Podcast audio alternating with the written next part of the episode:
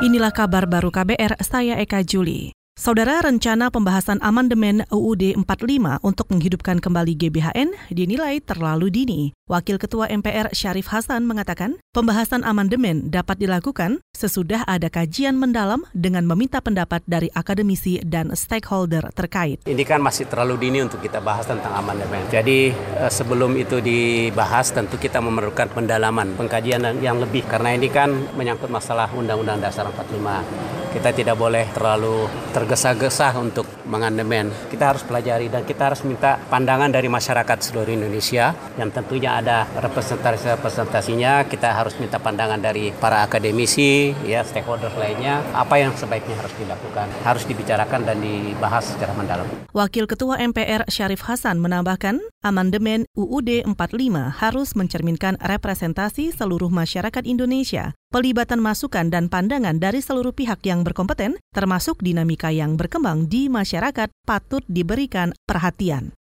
Saudara Kepala Staf Angkatan Udara TNI Yuyu Sutisna menyatakan siap melakukan pengamanan sektor udara ketika pelantikan Presiden dan Wakil Presiden di Gedung DPR Senayan, Jakarta pada 20 Oktober mendatang. Seluruh alat utama sistem persenjataan, baik angkut maupun personel, disiapkan untuk mengantisipasi berbagai kemungkinan yang terjadi. Kepala Staf Angkatan Udara TNI mengatakan pengamanan sektor udara ketika pelantikan presiden akan dilaksanakan terintegrasi dengan pengamanan sektor darat seperti yang sudah pernah dilakukan ketika pelantikan anggota DPR periode 2019-2024 lalu. Yuyu Sutisna juga menambahkan upaya pengamanan pelantikan presiden dan wakil presiden baik yang menyangkut kesiapan alutsista maupun personel seluruhnya mengacu pada rencana yang dibuat oleh Markas Besar TNI.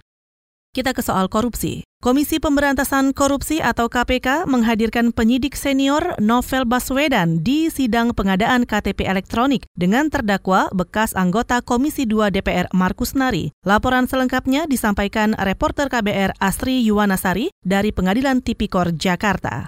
Saudara Jaksa Komisi Pemberantasan Korupsi KPK menghadirkan penyidik senior KPK Novel Baswedan dan bekas anggota Komisi 2 DPR Miriam S. Haryani sebagai saksi dalam sidang terdakwa ex anggota Komisi 2 DPR Markus Nari. Markus adalah terdakwa kasus dugaan korupsi terkait pengadaan kartu tanda penduduk berbasis elektronik atau IKTP. Markus juga didakwa merintangi proses pemeriksaan dalam persidangan kasus korupsi pengadaan proyek IKTP. Dalam kasus ini, Markus didakwa memperkaya diri sebesar sebesar 19,8 miliar rupiah dalam pengadaan proyek IKTP. Menurut jaksa, Markus bersama pihak lainnya dan sejumlah perusahaan yang ikut dalam konsorsium pemegang pekerjaan paket IKTP juga dianggap merugikan keuangan negara sebesar 2,31 triliun rupiah. Sementara dalam dakwaan berikutnya, Markus disebut merintangi pemeriksaan ex anggota Komisi 2 Miriam S. Haryani dan merintangi pemeriksaan terdakwa ex pejabat Kemendagri Sugiharto di persidangan. Dari Pengadilan Tindak Pidana Korupsi Jakarta, Astri Yuwanasari untuk KBR.